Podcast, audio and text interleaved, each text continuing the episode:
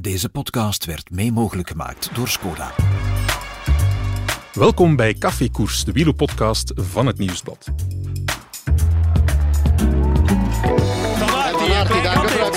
Het is los. There he goes. Gatje now, big attack. Van Aert, die het moeilijk heeft hoor in dat wiel van Van der Poel. Explosion door Remco van der Poel. Here goes the attack.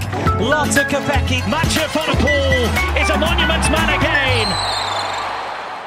Dag trouwe luisteraar, ik hoor jullie denken, heette mijn favoriete koerspodcast niet De Koers is van ons. Dat is juist, maar in navolging van de beste wielerploeg van de wereld zijn we voor een kleine naamsverandering gegaan. Kaffeekoers bestond al, zo heten onze afleveringen na elke grote klassieker, maar vanaf nu wordt dat de naam voor al onze podcasts en dit podcastkanaal. Voilà. We zijn terug van even weg geweest, hongerig naar de koers en naar het wielerseizoen 2024 steken van wal met onze voorbeschouwing op het seizoen N. Die gaan we doen in twee delen. Eerst het voorjaar, deze aflevering, en daarna het rondewerk en de Olympische Spelen. En bij mij heb ik een zeer hongerige Vos, de chefwielrennen Wim Vos. Dag Michael. Dag Wim. En een ander hongerig dier is een kaiman, Maxime Kaiman, onze nieuwe frisse kracht in de podcast. Dag Maxime. dag Michael. Ja. ja. nieuwe naam en zot van de koers ook. Hè? Ja, ja, absoluut. Voilà, dat is perfect. The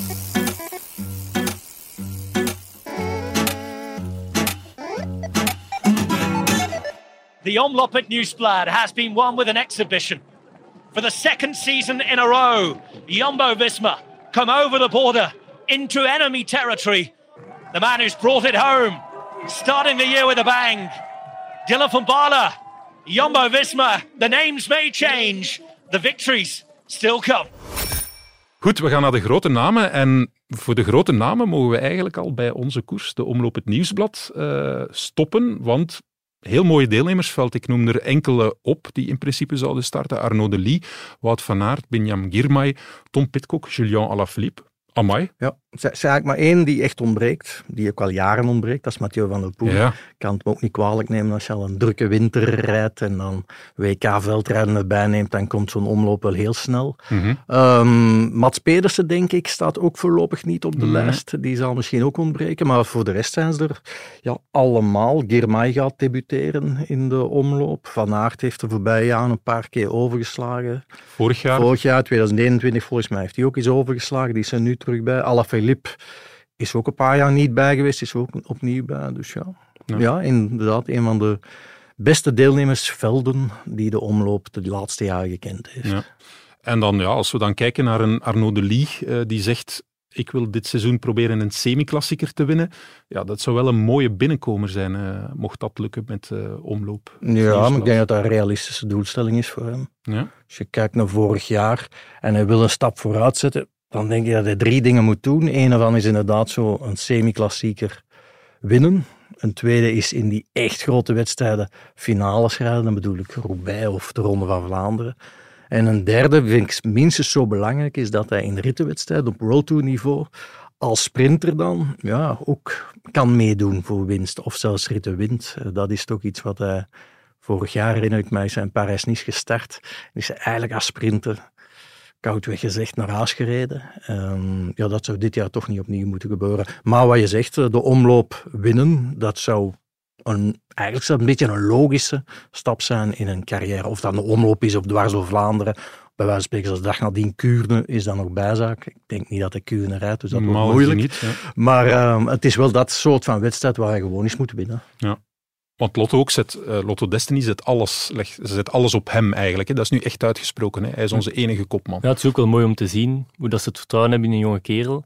Um, hij is ook nu uh, in eind januari, begin februari op hoogtestage geweest. Um, vorig jaar was hij ook al één keer op hoogtestage geweest, maar dat was in de zomer. Of alleszins niet uh, voor het voorjaar. Dus tegenwoordig zeggen alle klassieke renners dat je op, voor, op uh, hoogtestage moet gegaan zijn om te kunnen presteren. Hm. Dus um, als hij daar nog een paar procentjes kan vinden. Vorig jaar was hij al heel dichtbij in de omloop. Ja. Dus um, ik vermoed dat dat dit jaar niet anders zal zijn. Ja. over Parijs-Nice heeft hij zelf ook gezegd dat hij daar blijkbaar twee ritten heeft hij echt aangekruist heeft en waarvan hij gelooft, ik kan ze winnen. Dus hij gaat echt voor de revanche in Parijs-Nice.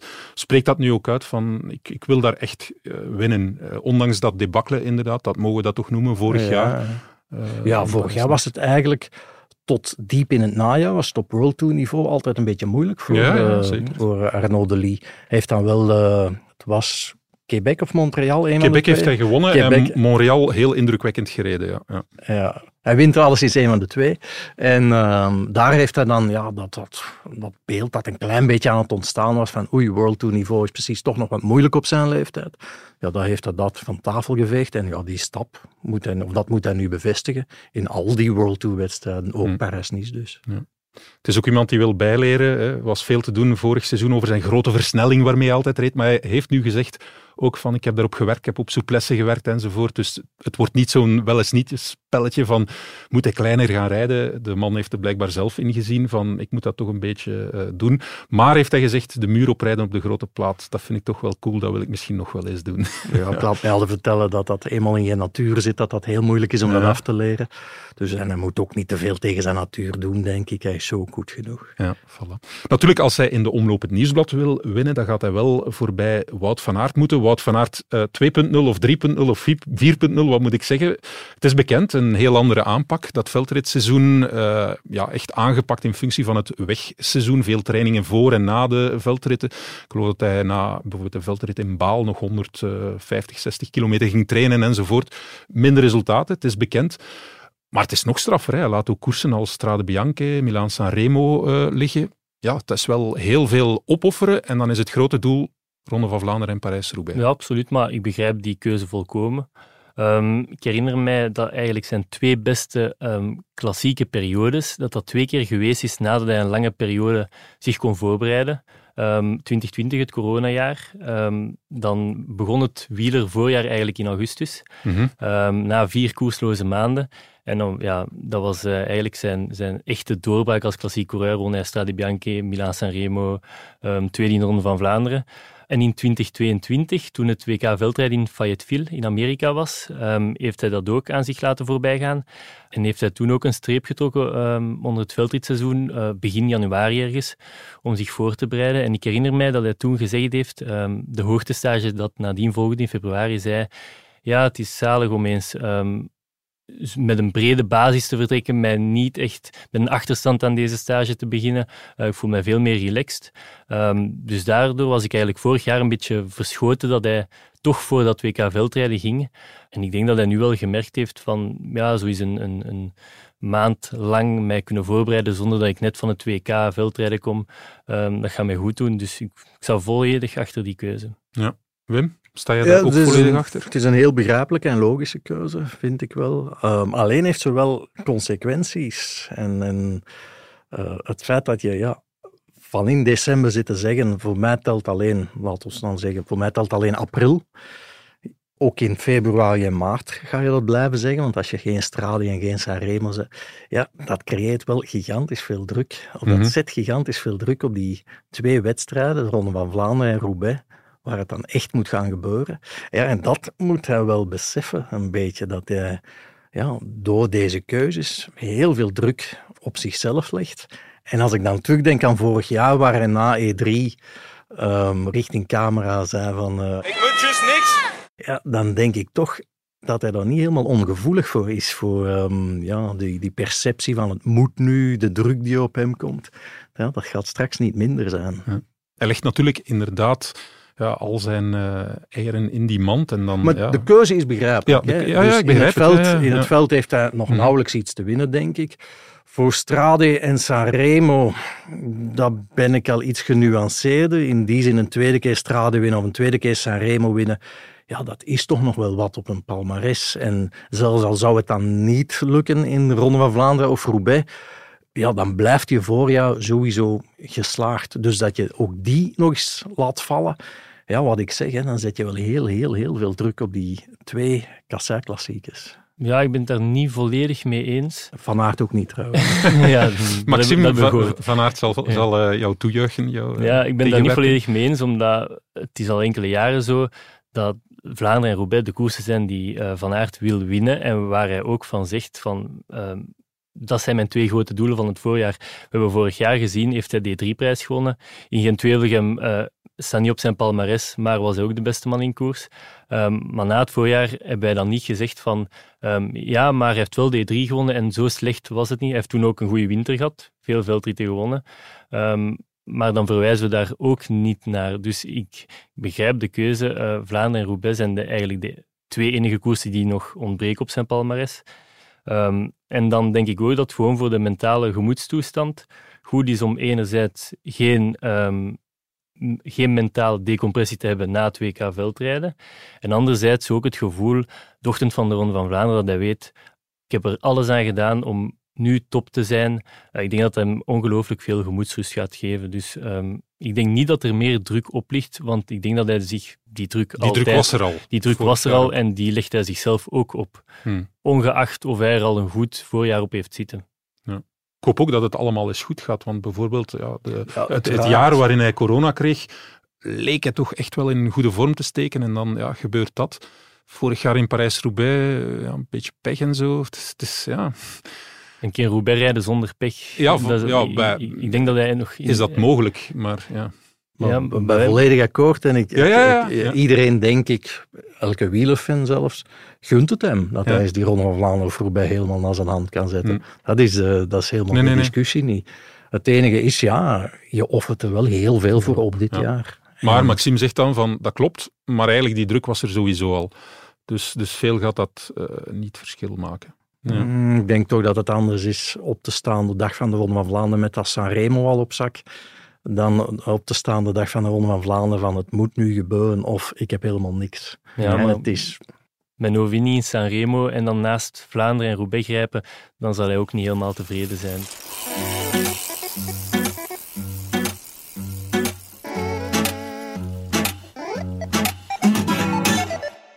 Pogacar gaat er al beginnen. begonnen. Voilà, dus het is eh, Van der Poel nu in de achtervolging op een Pogacar en Asgreen. Die weet nog van vorig jaar. Ik heb me hier Oh, piepen doodgelopen. Anderhalve meter. Ja, ja, ja, ja, ja. Twee Van der, meter. Poel, van der Poel, dat is een paar meter nu achter op een Pogacar. En is hij nu ribidebi? Is hij meter. vertrokken? Er is in elk geval één opsteker nu al. Geen Tadej Pogacar in de Ronde van Vlaanderen. Wij vinden dat allemaal een beetje jammer als volgers. Maar bon, er blijft nog eh, genoeg over, denk ik, met Mathieu van der Poel en Wout van Aert. Maar ja, dat, dat scheelt een slok op een borrel. Ten eerste dat er ja, een heel eh, grote kanshebber niet bij is, maar ook de dynamiek van de koers, Maxime. Ja, die zou volgens mij, ehm, of dat zou in het voordeel moeten zijn van Van Aert. Omdat Pogacar is in Pogacar, moet ik zeggen. Ja, voordat kijk. Ik, Pogacar. ja, voordat ik boze commentaren krijg. Ja, Wim, van, Wim heeft er ongeveer ja, een jaar, een half jaar over gedaan om het juist... En vele lezersbrieven en mails over gedaan. Dus je hebt nog een beetje tijd, hè, Maxime? Pogacar. Nee, Pogacar, ehm, die verandert de dynamiek van zo'n Ronde van Vlaanderen helemaal. Ehm, hij is natuurlijk een, een stuk lichter dan Van Aert en Van der Poel. Dus hoe zwaarder de koers, hoe liever dat hij dat heeft. Ehm, om zo'n Van Aert en Van der Poel af te matten. En daar komt ook nog eens bij van eh Pogacar. Die zal ehm, de koers vroeg openbreken Ja. Waardoor dat Van Aert minder aan zijn ploeg gaat hebben. Als Pogacar gaat op 70, 80 kilometer van de aankomst, dan kunnen een Benoot en Laporte met een Jorgensen normaal gezien niet mee. Als Pogacar er niet is, gaat er misschien langer een situatie zijn met 10, 15 renners, de favorieten daarbij, maar ook nog een paar Visma-Lease bike-renners. Ja. Dus ik denk dat dat in het voordeel is van Van Aert, zonder dat dat per se in het nadeel is van Van der Poel.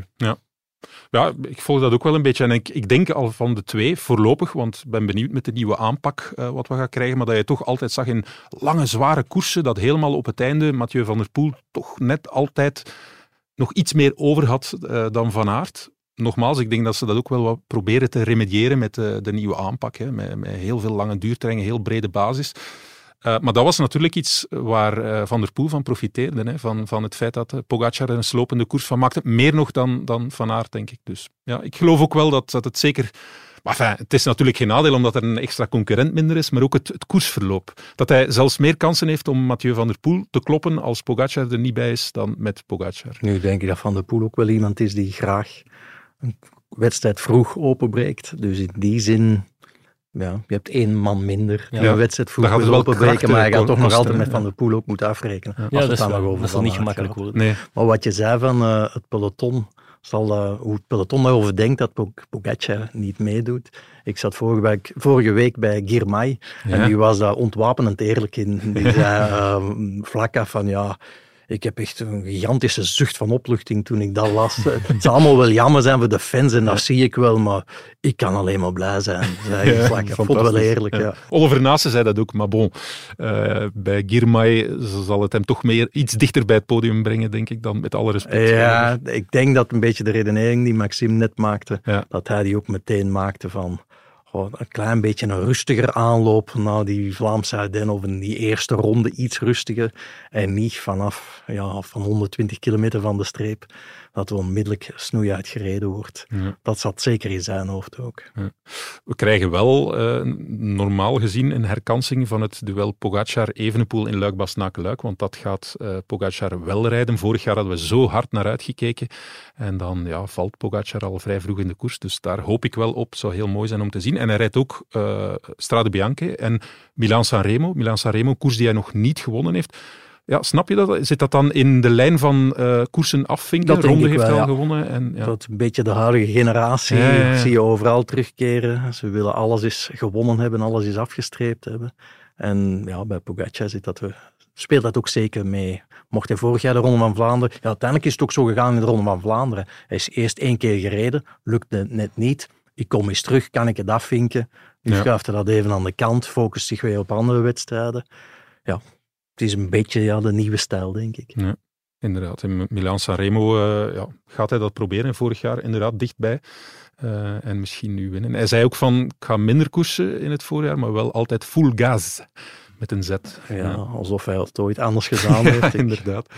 Maar eh, dat moeten we toch allemaal een beetje in het licht zien. Het is onze volgende podcast, de Grote Rondes, maar van zijn deelname aan de Giro. Hè? Want dat is natuurlijk begin Dat denk ik wel, ja. Het is natuurlijk spijtig voor ons allemaal dat hij in Vlaanderen niet zal bij zijn, of dat hij überhaupt al die kassei-klassiekers overslaat. Maar uh, je ziet dat er wel een logica in zijn programma zit. Mm. Um, Strade Sanremo en dan gaat hij Catalonië rijden, denk ik. Ja, dat um, staat zo nu op Pro Cycling Stats. Ja, ja. Dus ja, een lastige rittenwedstrijd, een beetje in opbouw naar zijn eerste echt gigantisch grote doel dan dit jaar, dat is de Giro. En Luik past daar dan nog wel in, uh, ook dat zie je wel vaker, dat renners die zich toeleggen op de Giro nog wel Luik erbij nemen. Mm -hmm. En dat doet hij dus ook. Maar er zit wel een logica in. En ik begrijp dus ook wel dat hij ja, Vlaanderen overslaat ja. in dat licht. Goed. Geen koers zonder onze trouwe sponsor en ook geen uh, koerspodcast zonder onze trouwe sponsor. We zijn blij dat hij of zij er weer bij is dit seizoen. We gaan even luisteren. Je gezin is net als een wielerploeg. We moedigen elkaar aan. We weten dat we met de tips van onze ploegleider we alle kansen hebben om echte kampioenen te worden. Skoda, supporter van de grootste fietsfamilie. Ziezo, we gaan verder met onze voorbeschouwing op het voorjaar. Ja, we hebben het over individuele renners gehad, maar er zijn natuurlijk ook ploegen. Een aantal ploegen die, ja, wiens soortelijk gewicht wel wat gedaald is. Ik denk dat Ineos misschien wel uh, de grootste is met het verlies van Martinez, Gegenhardt, Tullet, Luke Plep, Sivakov. Dat is toch serieuze aderlating, maar ook Bahrein, Jonathan Milan die weg is. TSM, Welshford, Dainese, Leknesund, Milesi, dat, ja, dat is toch wel een aderlating. Maar er is ook een ploeg ja, die plots opgeklommen is in die hiërarchie. Lidl Trek, uh, Lidl Trek moet ik dan zeggen, dat het niet Lidl of uh, kleine Trek is. Ah, op die manier. Ja, ja, ja. Ze hebben dus ja, de, de Duitse supermarketen erbij. Uh, even ja, toch duidelijk vermelden, die is ook ooit nog co-sponsor geweest van Quickstep. Maar toen was dat blijkbaar de Benelux-tak. Ja. Dit is echt de grote internationale Duitse tak en dat laat zich gevoelen, want er komt serieus budget bij. Er wordt gezegd dat ze van de middenmoot echt naar de top 4, 5 gaan. Ja, ik denk dat je moet uitgaan van een budget van rond de 19 à 20 miljoen waar ze rond zaten. Uh, per jaar, dat het nu nou, flink boven de 30 gaat ja, zijn. Dat is ja, gigantisch. Een zak geld. Ja, een zak geld erbij. Ja. En uh, dat geld hebben zij enerzijds besteed aan een aantal renners. Jonathan Milan, Andrea Bajoli, Tim de Klerk. Hè. Als we dan spreken over het uh, voorjaar natuurlijk, hè, want Gegenhardt is er ook bij voor het rondewerk maar ook in de omkadering en zo. En jij hebt daar gebeld met eigenlijk de architect van Lidl Trek en het nieuwe Lidl Trek, uh, Luca Guercilena. Guercilena. Ja, een Italiaan die ook of al gemaild, moet ik zeggen. Ja. Hoe zeg je? Gemaild. Wel ja, ja. Uh, het verhaal rond die man is een beetje bijzonder. Hij gaat al heel lang mee in de koers. Heeft ook nog bij, destijds ja. bij Lefevre, Quickstep en dergelijke gewerkt. Nu al een tijdje, ja, een beetje wat Lefevre is voor Quickstep, of voor Soudal Quickstep, is hij voor Lidl Trek. Denk een Italiaan van rond de 50. Het, maar het bijzonder bijzondere aan hem is dat hij inderdaad al een paar jaar persoonlijk met flink wat gezondheidsproblemen kampt. Heeft een ja, soort van kanker gehad. Zou daar wel van hersteld zijn, maar ja, zijn immuniteitssysteem en dergelijke is bijzonder zwaar aangetast. En daarom, ik had hem gevraagd of ik hem eens kon interviewen met de financiële sprong die Little Trek gemaakt heeft.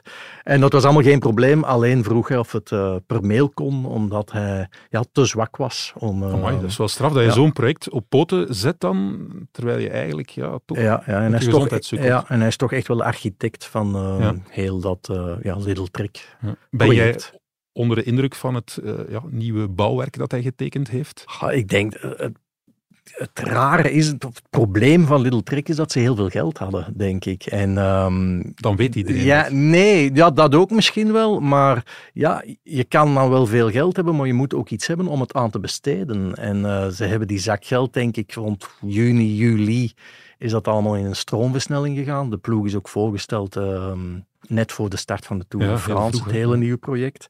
Ja, en dan ben je wel gebonden aan wat is er nog vrij op uh, de markt. En ja, daar zijn ze wat op hun limieten gestoten. Dus ze hebben zich in de breedte echt wel kunnen versterken. Um, en dan spreek je over renners zoals Bajoli, ook een Tim de Klerk. Dat zijn allemaal uh, waardevolle versterkingen in de breedte. Maar echt, ja, een, een absolute wereldtopper is er zowel in het ronde werk als in het klassieke werk niet echt bijgekomen, vind ik. Ze hebben natuurlijk wel met Spedersen nog, die volgens mij intrinsiek het dichtst aanleunt bij een Van Aert en Van der Poel. Um, langs de andere kant, als we kijken naar de Ronde van Vlaanderen van vorig jaar, um, dan krijgt hij eigenlijk een gouden kans. Hij mag wegrijden um, met een elitegroepje met daarin Asgreen, Koen, eigenlijk alle outsiders behalve de grote drie.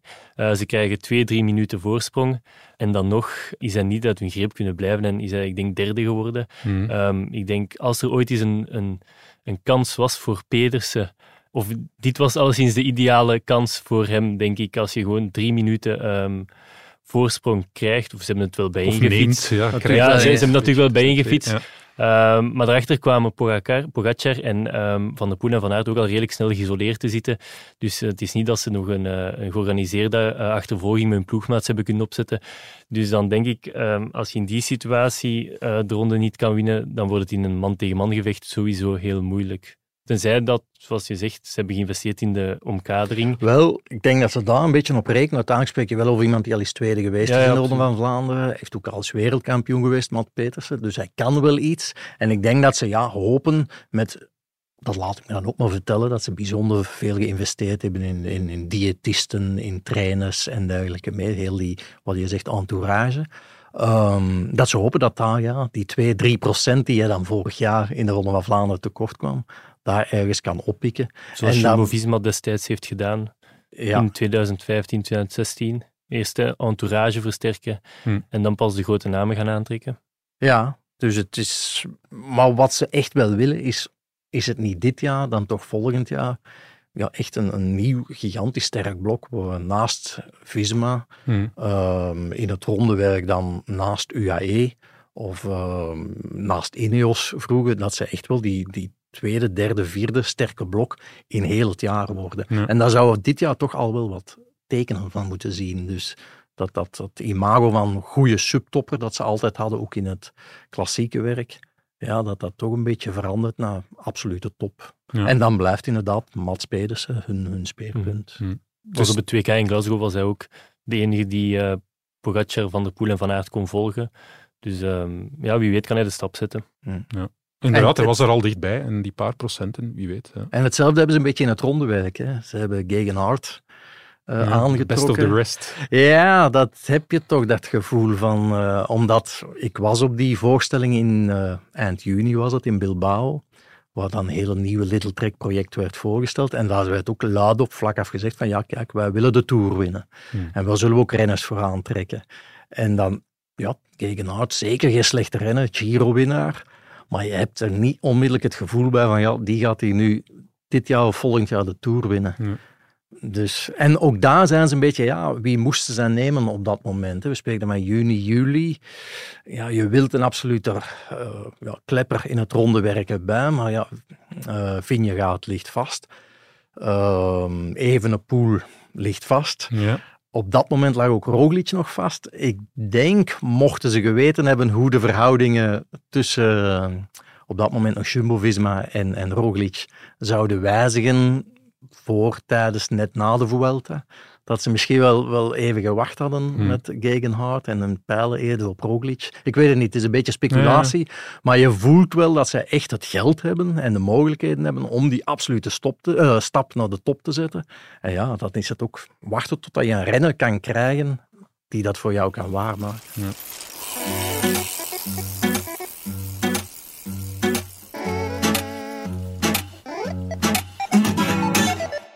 Deze dag gaat me nog heel lang blijven, bijblijven. Uh, ik denk, ja, op de piste, piste finishen met Mathieu uh, voor mij, die zijn handen in de lucht steekt. En zelf ook uh, voor de tweede plaats sprinten. Ja.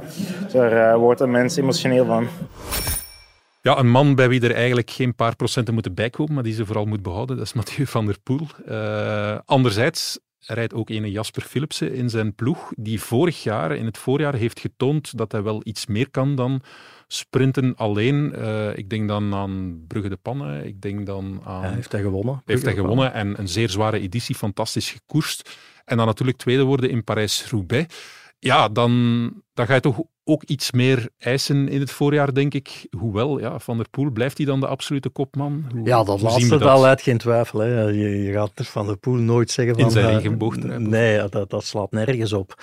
Maar het is wel iets dat gaat spelen, denk ik. Ehm, ze hebben nu nog het voordeel van de heel duidelijke hiërarchie. Van der Poel staat boven Jan en Alleman wereldwijd in heel het peloton, dus logischerwijs ook zeker binnen zijn eigen ploeg. Behalve bij de Velodor, hè? daar was hij niet gekozen.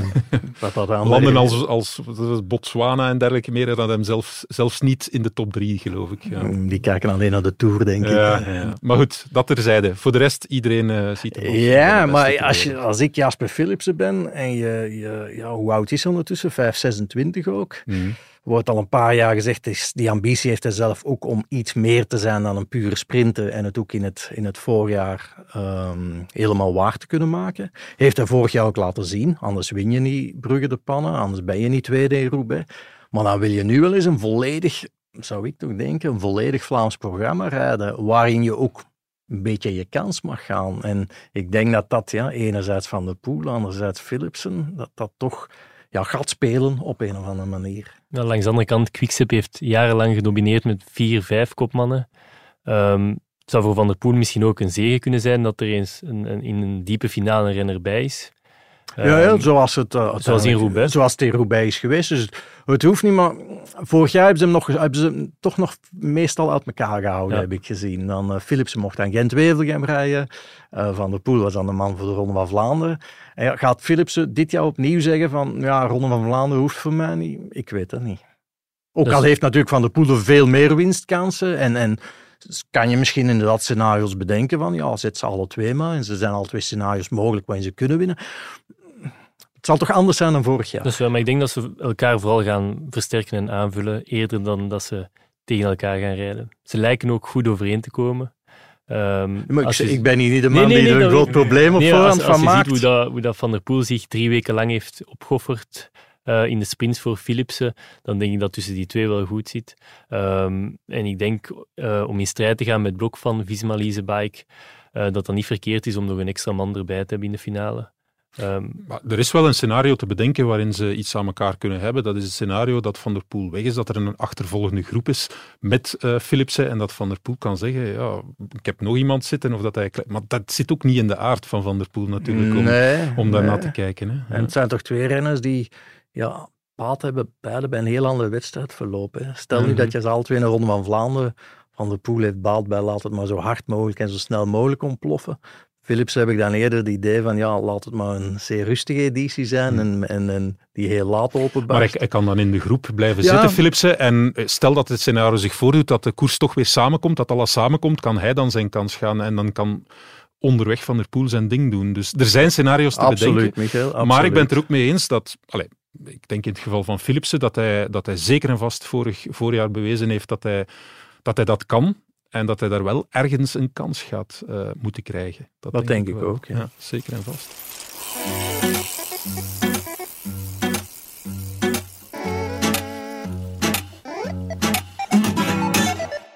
zijn het namen die jullie verwachten, die ons misschien gaan verrassen in 2024? Wie mogen we naar voren schuiven zo? Dan zet ik mijn geld op Romain Grégoire. Romain Grégoire. Ja. Mooie Franse naam. Ja, vorige week 21 geworden. Niet helemaal een nieuwe naam, het is tweedejaarsprof. Vorig jaar al een paar keer uh, heel mooie resultaten neergezet dacht dat hij al heel goed was in de Strade Bianche, dat top 10 reed vorig jaar. Vierdaagse van Duinkerke gewonnen. Maar op het moment dat wij in Vlaanderen niet echt wakker liggen van de koers, net na de klassiekers. Uh, ook nog eens een tweede in een rit in de Vuelta. En ja, het is iemand die ik uh, dit jaar verwacht helemaal door te breken. Ja, heel mooie dark horse, zeggen wij dan. Uh, de mensen die geld op de koers zetten, kunnen daar geld op zetten. Wij doen dat niet.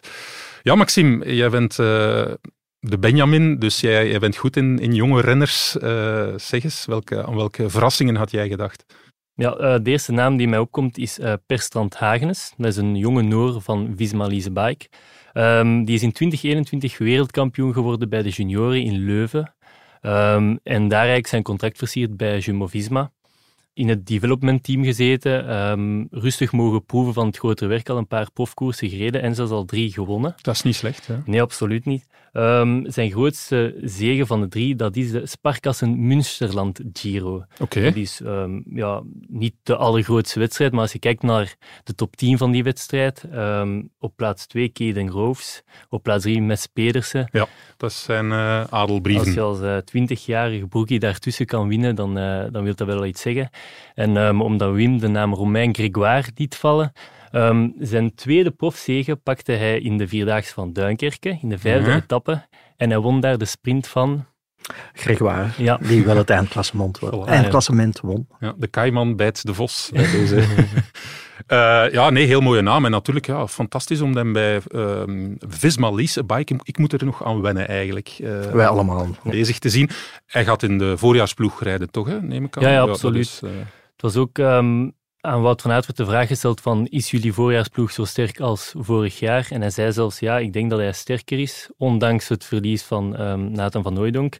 En dan zei ja, Matteo Jorgensen komt erbij en per strand Hagenes. En het feit dat Van Aert direct naar Hagenes verwijst, wil wel iets zeggen. Wil wel iets zeggen, voilà. Zijn nog namen? Want je hebt daar zelfs ja, op een bepaald moment een artikel over gemaakt over alle neoprofs. Hoeven daarom ja. niet geen neoprofs te zijn, maar kan je nog een aantal interessante ja, namen droppen? Toen is Hugo Korevits, onze collega, mij zelfs komen zeggen, ja, de beste die steekt er niet in. Aha, dus ik ga die fout rechtzetten. Direct terecht gewezen. Um, ja. Paul Magnier, een, een, jonge Fransman van Quickstep. Uh -huh. um, 19 jaar is hij en um, als ik de verhaal hoor, een, een, een enorm talent. Uh -huh. uh, vooral op stage heeft hij zich bewezen en heeft hij heel mooie dingen laten zien. Um, hij koerst nog maar twee, drie jaar op de weg. Daarvoor was hij mountainbiker. En als ze binnen de ploeg het een groot talent vinden en ermee naar buiten komen, dan denk ik dat het wel zo zal zijn. Ja. We leren ook al een naam kennen. We dachten dat het zijn bijnaam was, maar het is zijn echte naam. Nee, Del Toro, Isaac. Isaac Del Toro ja. van UAE. Fantastische achternaam. Somebody's attacked him. Del Toro. Del Toro, the man that stole the jersey into Loberthal and led and looked like he was going to win it, lost it yesterday, and here he goes again. And boy, is he stringing out the riders. Ik zou zeggen, nog straffer dan Kaiman uh, bij UAE. Maar het is niet de enige jonge gast bij UAE, die uh, neoprof. Ja, klopt, klopt. Daar, er loopt daar nog een hele goede rond, ja. Antonio Morgado. Ja. Dat is een Portugees. Um, die heeft al twee keer zilver behaald op het WK. Mm -hmm. In uh, 2022 bij de junioren. En dan als eerstejaarsbelofte um, vorig jaar um, ook zilvermedaille behaald.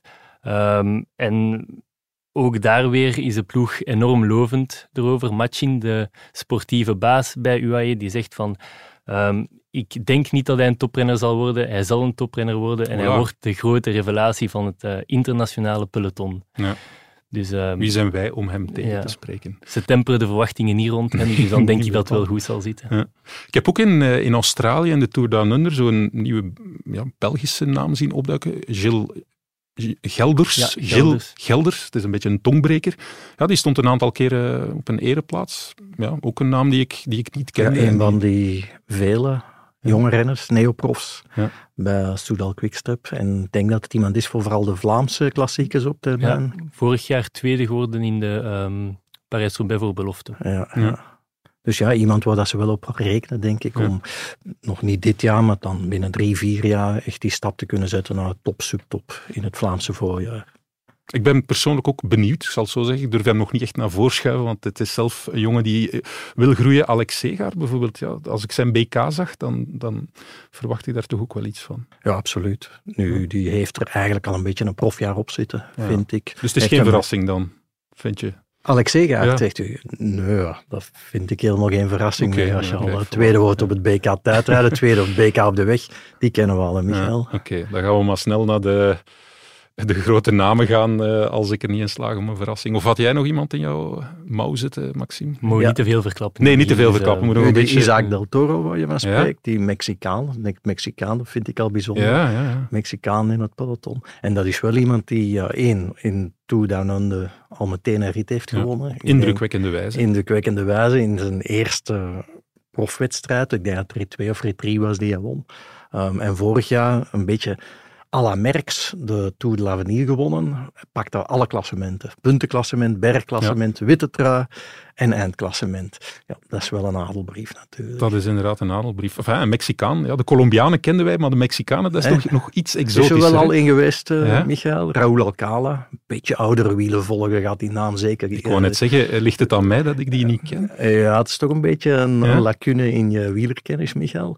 Uh, de witte trui ooit gewonnen in de Tour de France, ergens in de jaren tachtig. Ehm, en heeft heel lang meegegaan. werd op zijn 46 nog Mexicaans kampioen tijdrijden.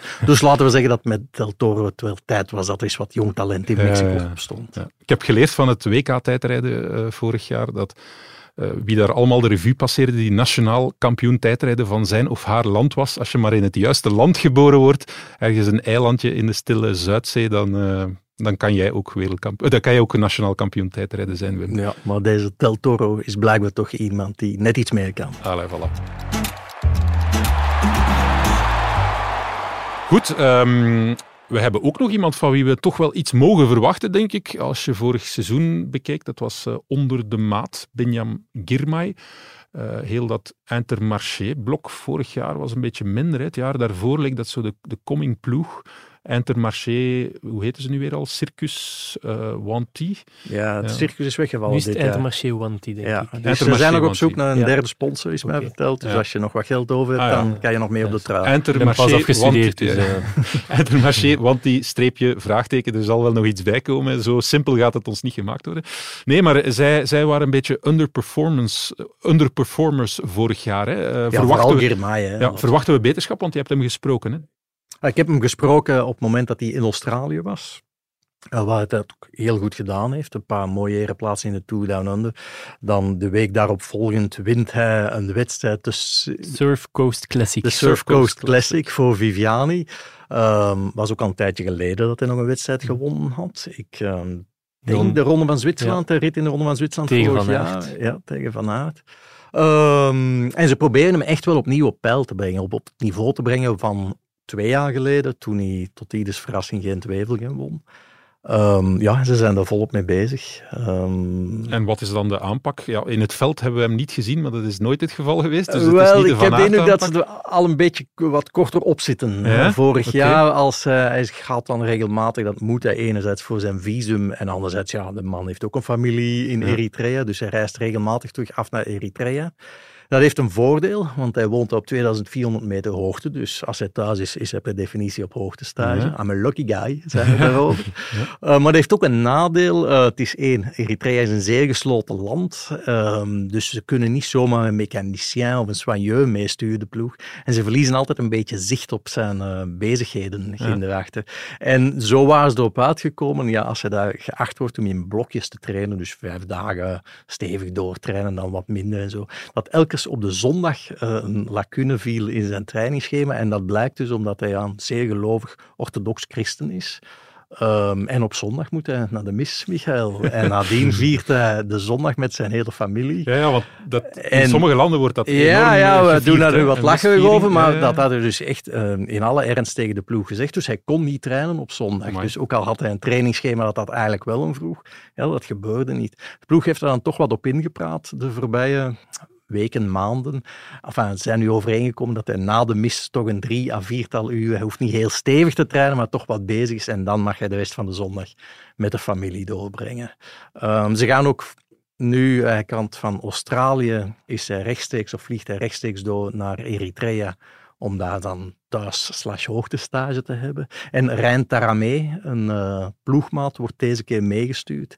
En die moet ja, mee zijn trainingsschema... Nog in het zeil houden. Ja, een klein beetje in de gaten houden, want dat was ook een probleem. Hij traint Ginde wel met een aantal Eritrese renners. Mhm. Dat niveau is best prima, zei de, zei de ploeg. Alleen zijn dat meestal allemaal ronde renners. Het klassieke type dat hij is is er niet bij. Die renners die pieken allemaal nou veel later op het seizoen. Het gevolg was ook als ze daarmee op training was, dat we aan een training zitten van drie, vijf uur of zo, dat de laatste twee uur hij alleen overbleef. Want die anderen konden niet meer volgen of hoefden niet meer te volgen omdat ze later piekten. En dus daarom stuurde nu ook een uh, ploegmaat mee, zodanig dat hij het tempo hoog genoeg kan houden, ook in de laatste trainingsuren. Voilà, het is ook misschien interessant voor de, alle mensen die ploegjes aan het samenstellen zijn. Een herboren Binyam Girmay, er is een tijd dat renners niet trainden omdat ze in de discotheek zaten. Hmm. Tegenwoordig is het omdat ze dansen in de mis. voilà. Goed, wij gaan hier uh, onze gelovigen naar huis sturen. Bedankt Wim en Maxine, onze Vos en Kaiman. Graag gedaan. Ja. Bedankt uh, aan het Nieuwsblad, aan Elisabeth van House of Media, die altijd het fantastische geluid van deze podcast bezorgt.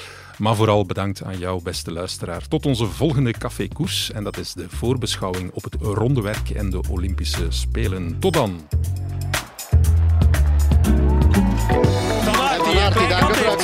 Beest is los. There he goes. Gatje now, big attack. Van Aert, die het moeilijk heeft hoor in dat wiel van Van der Poel. Explosie door Remco van der Poel. Here goes the attack. Lotte Kopecky. Matcher van der Poel is a monument man again.